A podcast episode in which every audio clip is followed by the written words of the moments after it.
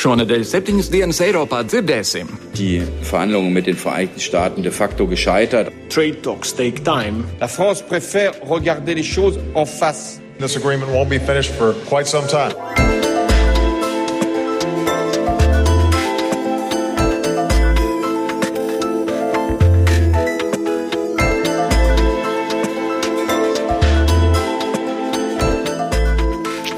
Labdien, godājamie klausītāji! Rekā šodien raidījumā dzirdēsim visādas svešvalodas. Es dzirdēju vācu, angļu, varbūt kādu citu, gan jau būs pārtulkotas. Kārlis Streifs studijā sveicu septembra pirmajā septiņas dienas Eiropā. Sākam ar to, ka Ķīnā vakar sākās pasaules bagātāko valstu G20 samits. Oficiāli tur spriež par globālo izaugsmi, bet patiesībā kuluāros notiek nu visādas tikšanās un sačukstēšanās par visplašāko tēmu loku. Ir gaidāms, ka Vācijas kanclere Angela Merkele kopā ar Itālijas Turcijas premjerministru Renziju un Francijas prezidentu Lānu pavilks malā Turcijas prezidentu Erdogānu, lai apliecinātos par turpmāku atbalstu pastāvošo bēgļu apmaiņas vienošanos, jo pēdējā laikā diplomātiskā spriedzes starp Ankaru un Briseli ir apdraudējusi šo Eiropiešiem izdevīgo līgumu. Merkelē ir īpaši steidzami vajadzīga kāda laba ziņa bēgļu krīzes jautājumā. Viņas pašas un viņas pārstāvētās CDU partijas reitingi Vācijā strauji kritušies. Tikko partija saņēma trešo sliktāko rezultātu kopš otrā pasaules kara Meklenburgas Pomerānijas reģionālajās vēlēšanās, ieņemot trešo vietu aiz labēji populistiskās AFD partijas, kas atbalsta klaju pret migrācijas politiku. Tālāk šodien raidījumā par to, vai tiešām varam uzskatīt, ka bēgļu krīze Eiropā ir beigusies. Droši vien nē. Turklāt uzzināsim, vai tā dēvētais tētība tirdzniecības līgums ir izgāzies, un kas ir tas, ko kurdi cenšas panākt Ziemeļīrijā, un kāpēc turki no tā tik ļoti baidās. Bet vispirms. Eiropas komisija uzstājusi, ka pasaules vērtīgākajam uzņēmumam Apple jāmaksā 13 miljārdu eiro liels nodokļu parāds. Protams, Apple mobilizējas juristu vienības ilgai cīņai tiesas zālēs, bet vairāki ASV politiķi piedraudējuši Eiropai, ka šādi nedrīkst pret biržas gigantiem vērsties.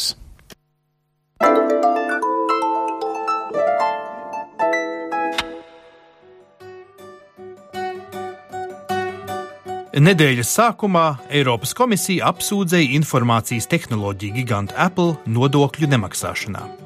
Pēc trīs gadu ilgas izmeklēšanas komisija secināja, ka pateicoties īpašām īrijas valdības piešķirtām nodokļu norunām, Apple nav ievērojis īrijas standartu uzņēmuma nodokļu likmi. Turklāt Apple pārvirzījusi ienākumus arī no citām Eiropas valstīm uz īriju un tālāk uz faktiski neeksistējošu galveno biroju, kas neatrodas nevienā valstī. Rezultātā komisija izlēmusi, ka Apple ir jāiesot parādā rekordlielu summu - 13 miljardu eiro apmērā. Apple savu vainu noliegusi, paziņojot, ka grasās lēmumu pārsūdzēt. Kompānijas vadītājs Tims Kuks uzstāja, ka Apple maksā nodokļus saskaņā ar likumiem un brīdināja, ka komisijas rīcība apdraud darba vietas un investīcijas Eiropā. Neapmierinātību paudus arī ASV Finanšu ministrija, pārmetot, ka Brisele netaisni vēršas pret uzņēmumiem, kas saņēmuši nodokļu atlaides pirms šādas atlaides tikušas aizliegtas. Savukārt īrijas valdība, cerībā nezaudēt ienesīgās partnerattiecības, formāli pievienojusies Apple, lai lēmumu pārsūdzētu. Stāsta Eiropas Savienības komisāra konkurences jautājumos Margarete Vestagere. Well, we have a long, long standing prohibition of uh, state aid. Uh, benefits, uh. Eiropas Savienībā jau sen pastāv aizliegums dalību valstīm veikt īpašus darījumus ar atsevišķām kompānijām, proti jebkādu bonusu piešķiršanu, kas var izpausties dažādos veidos - privāti īpašumos, aizdevumos vai nodokļu atlaidēs. Protams, katrai dalību valstī ir sava nodokļu likumdošana, to mēs nekādā gadījumā neapšaubām. Tomēr dalību valsts atsevišķam uzņēmumam nedrīkst radīt labvēlīgus apstākļus, konkurējot ar citiem uzņēmumiem. Ir svarīgi panākt to, lai uzrādītie ienākumi atbilstu īstajiem. Kā mēs pamanījām, īru nodokļu norunas ar Apple ir viņiem ļāvušas milzīgu daļu ienākumu pārvirzīt uz tādu kā galveno biroju. Uzrādītais galvenais birojs eksistē tikai uz papīra. Tajā nav ne darbinieku, tas nepastāv uz vietas un jebkādu darbību tajā nevar novērot.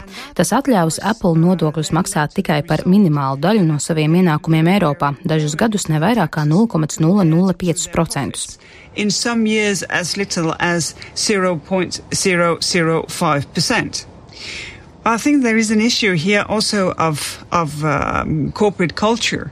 Manuprāt, patiesā problēma ir komerckultūrā, jo ja uzņēmums darbojas valstī kā īrija, kur uzņēmuma nodoklis ir 12,5% un tiek maksāts krietni mazāk par vienu, es domāju, tad ir jāpārbauda lietu kārtība pašā uzņēmumā. Piedevām 12,5% ir pietiekami mazs nodoklis salīdzinot ar pārējām Eiropas valstīm. Eiropa ir brīnišķīga vieta, lai nodarbotos ar biznesu. Tajā ir vienots tirgus un vairāk nekā 500 miljonu potenciālu klientu. Te ir iespējas augstākās kvalitātes izpētēji attīstībai attīstībai, kā arī ļoti labs darba spēks un burvīga infrastruktūra. Visi ir laipni aicināti Eiropā nodarboties ar biznesu, un, manuprāt, šeit var radīt ļoti ienesīgu biznesu. Vienīgi ir jāņem vērā tas, ka mēs nevēlamies, lai šeit nāktu tāpēc, lai nemaksātu nodokļus. What we don't like so much is if you come to Europe for tax avoidance. Tas nu ir jautājums, kuram turpināsim sekot. Tētība ir izgāzies. Tā šonadēļ skāļi pauda Vācijas vicekanclers Zigmārs Gabriels. Arī Francijā amatpersonas atzinās, ka vairs nesot politiskā atbalsta šim tirdzniecības līgumam starp Eiropas Savienību un Amerikas Savienotajām valstīm. Pat ASV prezidents Baraks Obama, kam ļoti trūks taustām panākumu savas valdīšanas laikā, šķiet nav gatavs līdzvēlēšanām izcīnīt tētība līguma gala vienošanos. Desmit gadus Aiz slēgtām durvīm rūpīgi kalts šis tirdzniecības līgums, kas it kā solīja milzu bagātību 800 miljoniem cilvēku. Vai tas tiešām ir neglābjami iestrēdzis? Par to mana kolēģi Jāņa Kropa sižetā.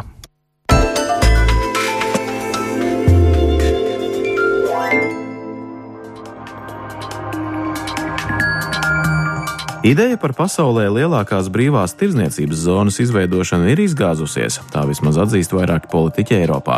Sarunas, kas sākās ar lielu noslēpumainību un mazu sabiedrības informētību, šķiet ir izgāzušās tieši šī iemesla dēļ. Sabiedrība par tām ir pārāk maz zinājusi. Kad pirmo reizi tika runāts par brīvās tirdzniecības partnerību starp ASV un Eiropas Savienību, šķita, ka tā varētu būt laba atbilde dažādām ekonomiskajām grūtībām, kas pārņēma rietumu pasauli finanšu krīzes laikā. ASV un Eiropas Savienība ir pasaulē vieni no lielākajiem tirgiem, abu pušu ražotāji rada pasaulē vērtīgākās un iespējams kvalitīvākās preces. Tātad tirdzniecības atvieglojumi padarītu spēcīgāku kā ASV, tā arī Eiropas Savienību. Tomēr sarunu gaitā aizvien biežāk skan tas, ka sarunās savas intereses cenšas vairāk diktēt tikai Savienotās valstis.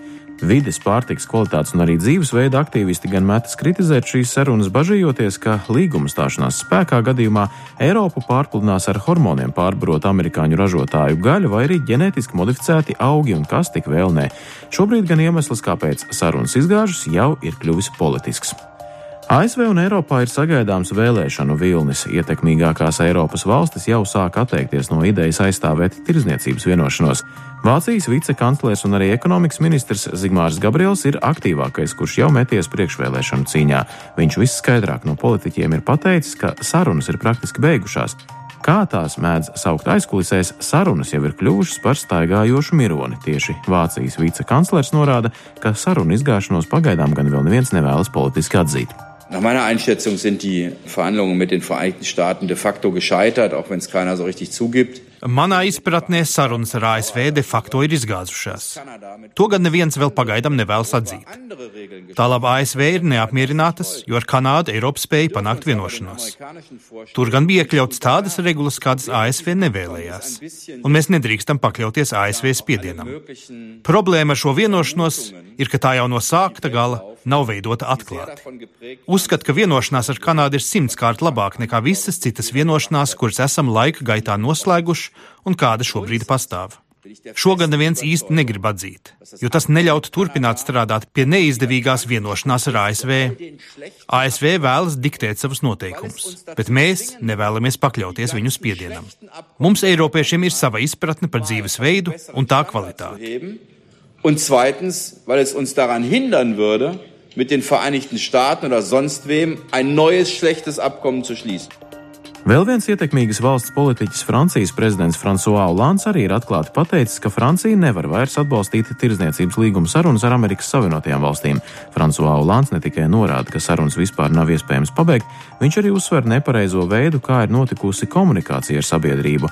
Līguma projektam, kam ir daudz pretinieku, nevar cerēt uz atbalstu, ja opozīcijas pārstāvjiem pat neļauj izteikt savus iebildumus un ar viņu domām vispār nerēķinās.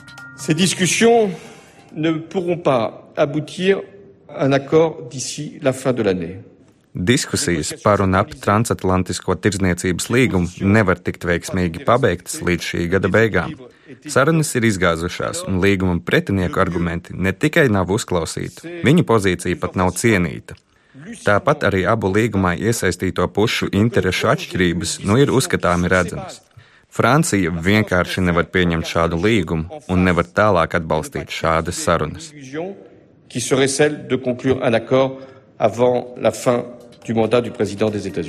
Viens no skaļākajiem skandāliem bija, kad Eiropas Savienības tirdzniecības komisārs Karels de Guhts kādā paneļa diskusijā neveikli izteicās par Vācijas organizāciju iebildumiem. Kādas aktīvistu grupas vadītāji pavaicāja Deguktam, kāpēc sarunas notiek pilnā sparā, ja viņas organizācija Vācijā vien jau ir savākusi vairāk nekā 400 tūkstošu cilvēku parakstus pret šīm sarunām. Karels Degukts neveikli atcirta, ka viņas rīcībā ir 400 tūkstoši parakstu, kamēr Eiropas komisija sarunās pārstāv pusmiljārdu Eiropas Savienības iedzīvotāju.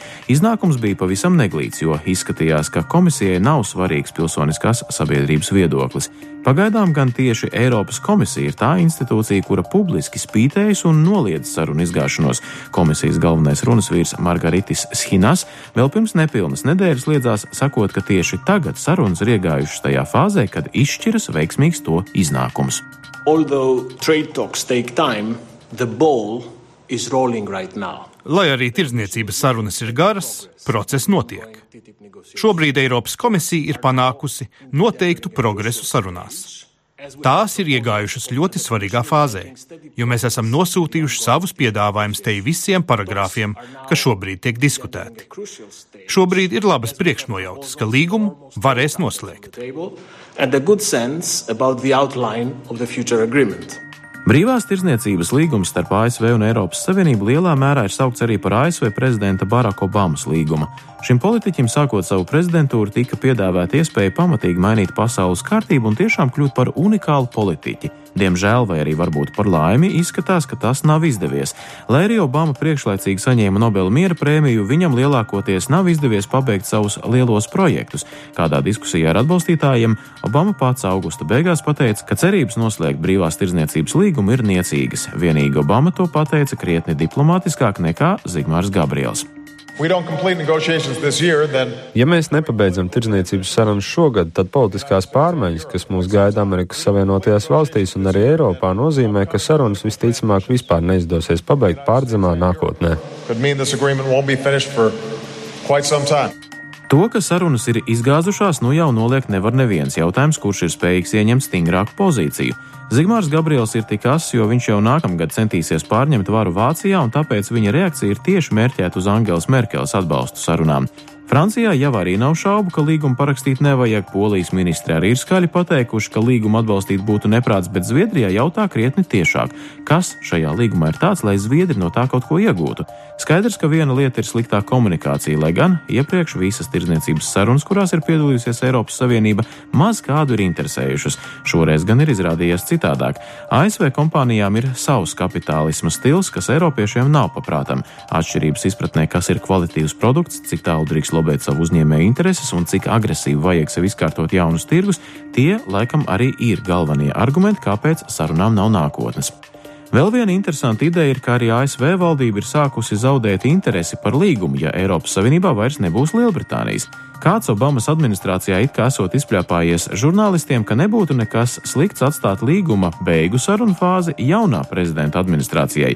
Ja tā izgāž sarunas, tad vismaz tajā visā nevar vainot Obamu. Hillary Clintona, kas kādreiz šo līgumu sauc par ekonomisko NATO, nu līgumu atklāti noraida, bet Donalds Trumps kārtējo reizi ir sniedzis tādu komentāru, ka viņa pozīciju vispār īsti nevar saprast. Trumpam nepatīk tirdzniecības līguma ar atsevišķām Eiropas Savienības valstīm, lai arī ko tas nozīmētu viņa izpratnē.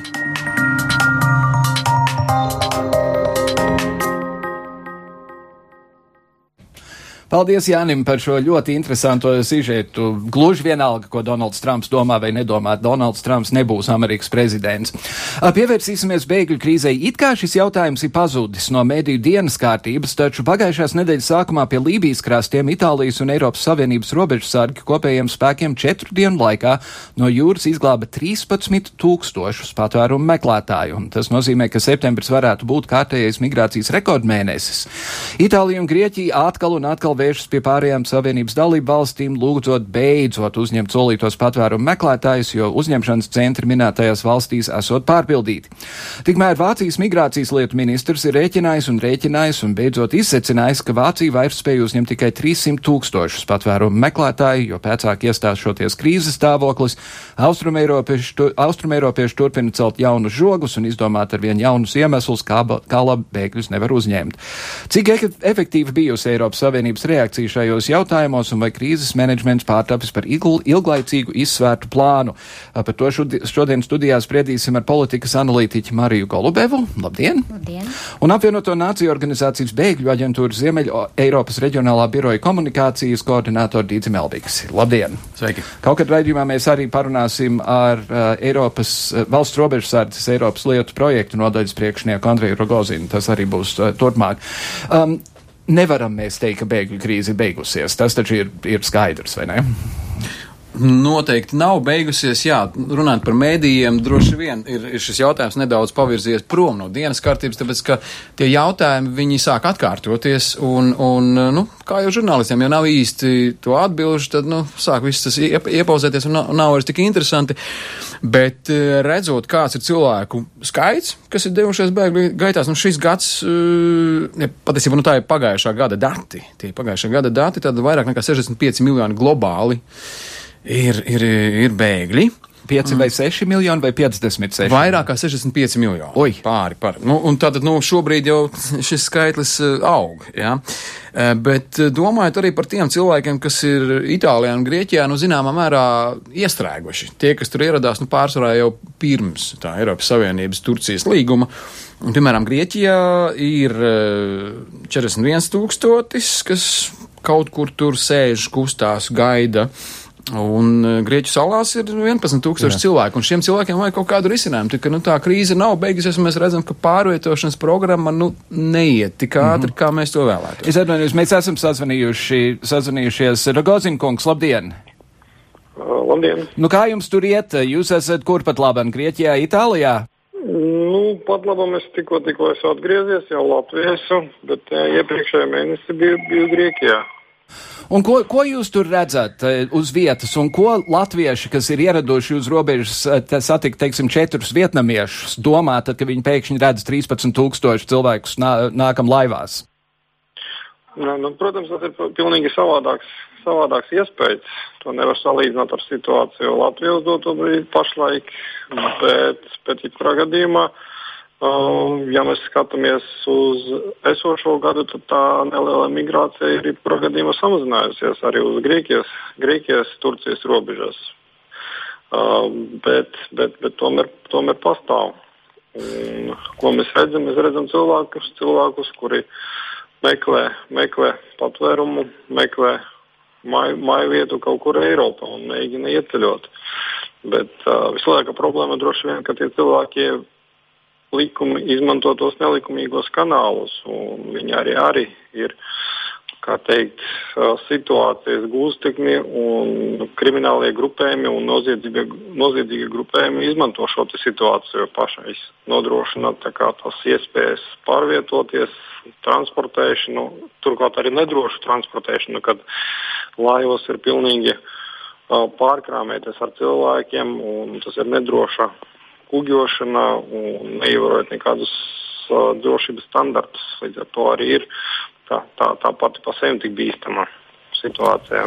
Sakiet, lūdzu, Eiropas Savienības Frontex misija, kur cenšas kontrolēt to, kas notiek vidusjūrā, cik efektīva jūsuprāt tā ir? Nu, noteikti, noteikti tā ir efektīvā. Arī mūsuprāt, jo patreiz mēs redzam situāciju, ka uh, to cilvēku, kas, kuri ir gājuši bojā, tas ir primārais uz doto brīdi pašlaik uh, jāglāb tas cilvēku dzīvības, kuri tiek tajā, tajā, tāda situācija uz jūras. Un, un tie skaitļi tomēr ir mazinājušies uh, attiecībā pret uh, to cilvēku kvantumu, kas mēģina šāda veida nedroša veida ieceļot. Un arī Frontex savā ziņā sniedz viennozīmīgi lielu atbalstu, lai nodrošinātu spēku esamību uz tās robežas jūrā, kā arī sadarbojoties, uh, ja droši vien jūs zinat, ar, arī ar NATO operāciju UNAFOMET, kas ir uh, operācija, kas notiek līdz ar tur lieli spēki un līdzekļi izvietot, lai glābtu tās dzīvības, lai nepieļautu uh, bojēju jūrā. Mm -hmm. Labi, Rozinkungs, sirsnīgs paldies jums par sarunu un paldies par darbu, ko jūs darāt. Visu labu! Marija, jūs sākāt, tu sāc, sāc runāt, sāka runāt par šo pašu jautājumu, par to, kā mēs uztveram pat labam bēgļu krīzi. Nu, noteikti tā nav beigusies, jo pirmkārt, um, kā mēs redzam, turpinās konflikti. Tikko Jemenā atkal bija ļoti liela bombardēšana, ļoti daudz cilvēku bija spiest pamest savas mājas. Šie konflikti ir neparedzami, respektīvi mēs nevaram zināt, cik, piemēram, Afrikā pašlaik daži jauni konflikti attīstīsies uh, bēdīgi un cik daudz cilvēku būs spiesti arī tur atkal pamest savas mājas un caur to pašu Lībiju, kas nemaz vēl nav tik droša uh, tomēr tikt pie vidusjūras un arī mēģināt tikt uz Eiropu. Tā kā mēs nevaram nekādā gadījumā šo, šo iemeslu dēļ teikt, ka krīze beigusies. Otrais iemesls, kas ir arī traģisks, ir tas, ka um, tas, kā Eiropa tiek galā gan ar, um, teiksim, šo cilvēku kaut kādu taisnīgāku sadalījumu, ja, kam, kam sniegt šiem cilvēkiem patvērumu, gan arī ar integrāciju, piemēram, pieeju darba tirgumu. Mēs redzam, ka situācija nemaz nav uh, ideāla, un, un mhm. tāpēc arī krīze nav beigusies un drīz nebeigsies. Nu, un trešais, mēs ar to Turcijas līgumu arī nezinām, cik ilgi tas turpināsies. No, nu jā. ja pašlaik Eiropa sāks uh, kritizēt Turciju par, uh, teiksim, kas ir ļoti paredzams nāves sodā atjaunošanu Mēs nevaram zināt, ar ko tas beigsies. Jā, diemžēl. Dīdzi, vai, vai apvienoto nāciju organizācijai ir cilvēki, kas banalizējot stāv pludmalē attiecīgajās vietās un saka cilvēkiem nekāpiet šajās laivās. Šis ir kaut kas noziedzīgs un jūs visticamāk noslīksiet. Nu, Tādas iespējas jau faktiski īsti nav, jo nu, šobrīd, piemēram, tie, kas ierodas Itālijā, viņi, viņi nāk caur Lībiju, kur nu, situācija ir tik tik nedroša, ka arī šādu organizāciju kā mūsējā darbinieki, nu, tur visdrīzāk neusturēsies vismaz ilgāku laiku. Jo tur valdības vispār nav. Būtībā. Nu jā, nu, tad mm -hmm. ar kuru valdību runāt un tā tālāk. E, bet cilvēku informēšana kopumā, protams, notiek. Un tas, ko ANO bēgļu aģentūra arī dara, viena no, no daudzajām lietām e, Grieķijā un Itālijā, ka mēs informējam cilvēkus par šo pārvietošanas programmu, kā tā darbojas, kur kā pieteikties. Uh, kā rīkoties, kādas ir valstis. Mums ir informatīvie materiāli par uh, Eiropas Savienības dalību valstīm, tā izskaitā arī par Latviju.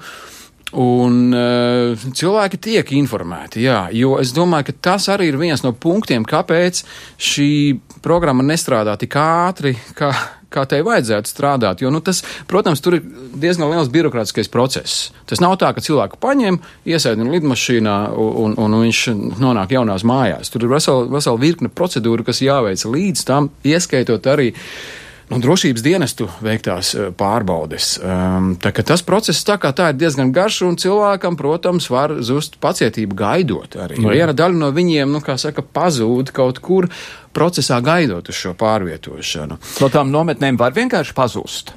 No tām bēgļu nometnēm. Es pieņemu, ka tur dzeloņas stieples nav, bet Mm, tā, starp citu, bija arī kritika no mūsu puses uh, Grieķijas uh, virzienā faktiski, kad pavasarī līdz ar šo Eiropas Savienības Turcijas līgumu viņi vienu daļu bēgļu nometnes pārvērta faktiski par aizturēšanas centriem, nu, kas nav uh, labākā pieeja, ja, nu, tad patvērumu meklētājiem nebūtu jā, jābūt ieslēgtiem kaut kādā teritorijā. Tā kā, nu, faktiski jau nu, cilvēki var kaut kādā veidā pārvietoties. Un, protams, ka viena daļa no viņiem dara to, ko mēs zinām, jebkuras tautības etniskās grupas pārstāvji, arī latvieši kaut kur pārceļoties. Vienalga, kā bēgļi, nekā bēgļi, mēs pirmkārt meklējam, kur ir mūsējie. Mm -hmm. Kaut vai, vai varbūt kaut kādi radinieki. Un vienai daļai no viņiem, protams, ir, ir radinieki, draugi, paziņas citās Eiropas Savienības dalību valstīs, un viņi arī no tās pašas Grieķijas, Itālijas kaut kādiem spēkiem mēģina tur tur uh, nokļūt. Vienkārši tā iemesla dēļ. Ja, ja bēglis tajā, es atvainojos, es tūlīt tikšu atpakaļ, atpakaļ pie, pie tevis, bet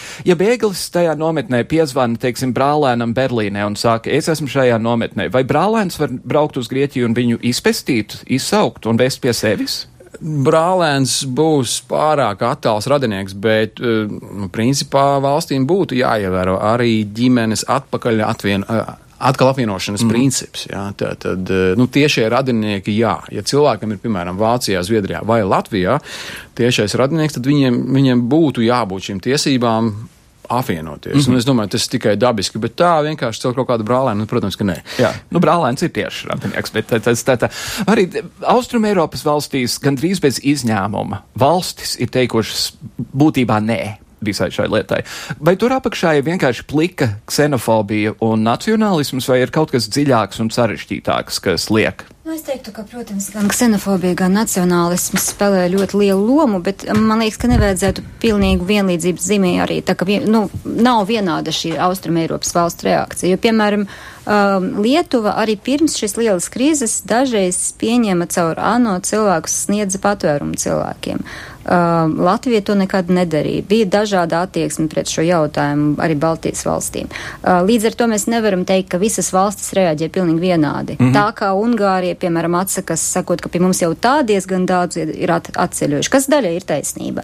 Uh, vai, teiksim, Polija atsakas praktiski, bet uh, nu, Latvija jau nav atteikusies. Latvija ir tomēr uz noteiktu skaitu cilvēku piekritusi. Tā kā man liekas, ka ja mēs pavisam šo, šo atšķirību tā kā nonivelēsim, mēs arī nu, sniegsim slīgu sliktu feedback uz savā nu, ziņas jā. mūsu valdībām, ka vienalga var arī nepieņemt vispār, jo tik un tā pielīdzinās.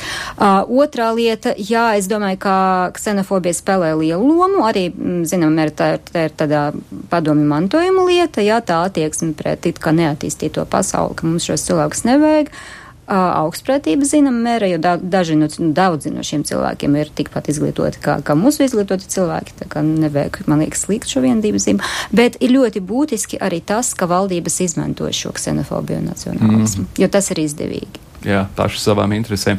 Vai ir kaut kādi dati atrodami par to, cik daudz no tiem cilvēkiem ir tiešām patvērumu meklētāji atšķirībā no ekonomiskiem bēgļiem?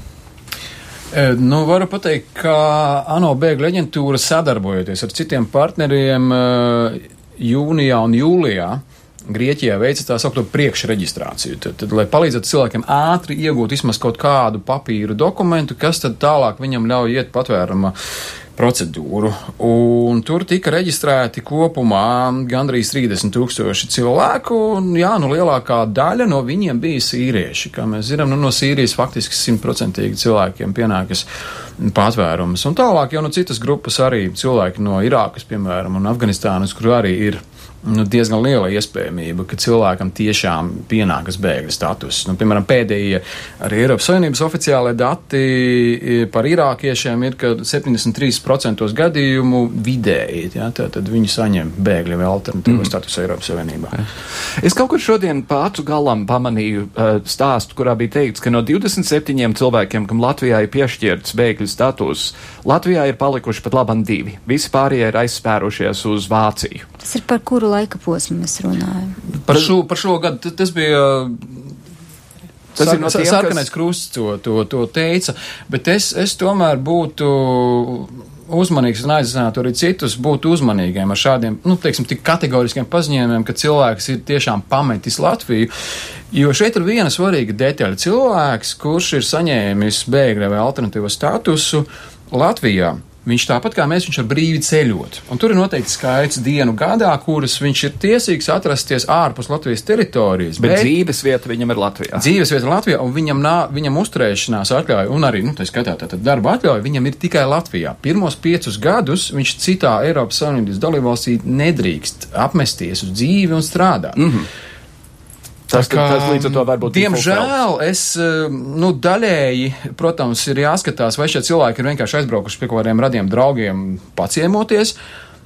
Un, eh, nu, cit, cita lieta, ja viņi tiešām pārceļas, uz kaut kādu citu valsti, nu, viņi tur nevarēs legāli strādāt, legāli dzīvot. Un, ja viņus varas iestādes atradīs, viņi tiks sūtīti atpakaļ uz Latviju. Viņiem jānodzīvo vismaz pieci gadi šeit.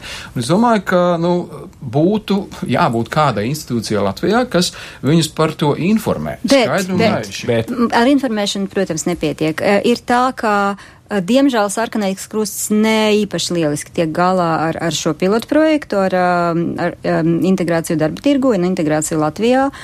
Tiek piedāvāti zemak apmaksāti darbi ārpus Rīgas, un tad brīnās, ka cilvēki neizvēlas šo opciju, bet izvēlas, piemēram, aizbraukt pie rādījuma vai paziņām uz Vāciju. Iespējams, viņi to dara nelegāli, bet es viņus saprastu, ja viņiem tiks piedāvāts darbs, kur, nu, praktiski kurš nenodrošina. Cilvēks Sīrijā bija ārsts. Jā, tieši tā. Jā. Un man liekas, ka kopumā sarkana krusta komunikācija līdz šim ir bijusi katastrofāla. Es tagad nestrādāju oficiāli Latvijā nevienā organizācijā, izņemot savu organizāciju, līdz ar to es varu to pateikt. Mm -hmm. Es domāju, ka tā komunikācija, kas nāca no Likopa kunga, bija šausmīgi, šausmīgi negatīva pret šiem cilvēkiem.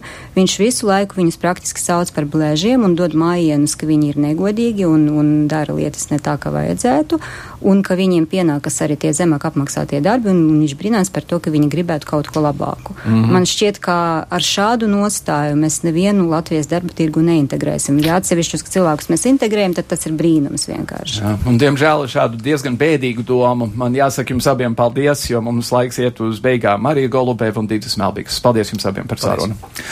Seniem kurdiem esot bijis sakām vārds, kamielis nav dzīvnieks, arābs nav cilvēks. Mēs septiņas dienas Eiropā ceram, ka kurdiem šie bioloģiskie uzskati laika gaitā ir mainījušies.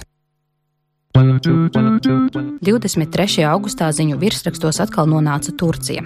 Šoreiz Turki pasaules uzmanību pievērsa ievedot savu armiju Ziemeļsīrijā, lai pastiprinātu cīņu ar daīšu kaujiniekiem. Tomēr eksperti norāda, ka aiz cīņas ar teroristiem slēpjas arī vēlme ierobežot Sīrijas kurdu ietekmi valsts ziemeļos. Turpina tuvo austrumu drošības politikas pētnieks Toms Rātvelders.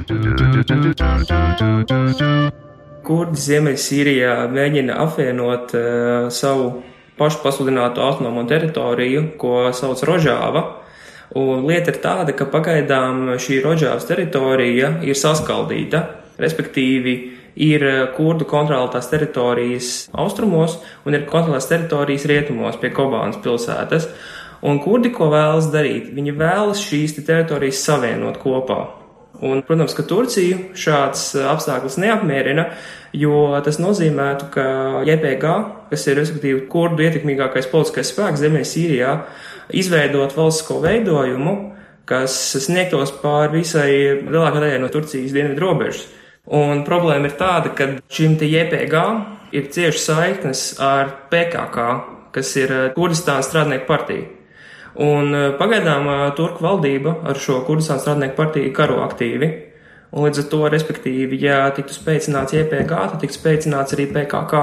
Lieta ir tāda, ka nesen JPG ieņēma strateģiski svarīgo Mēnbižas pilsētu, kas ir eh, viena no lielākajām pilsētām tieši šajā starposmā, starp teritorijām, ko pagaidām kuri kontrolē.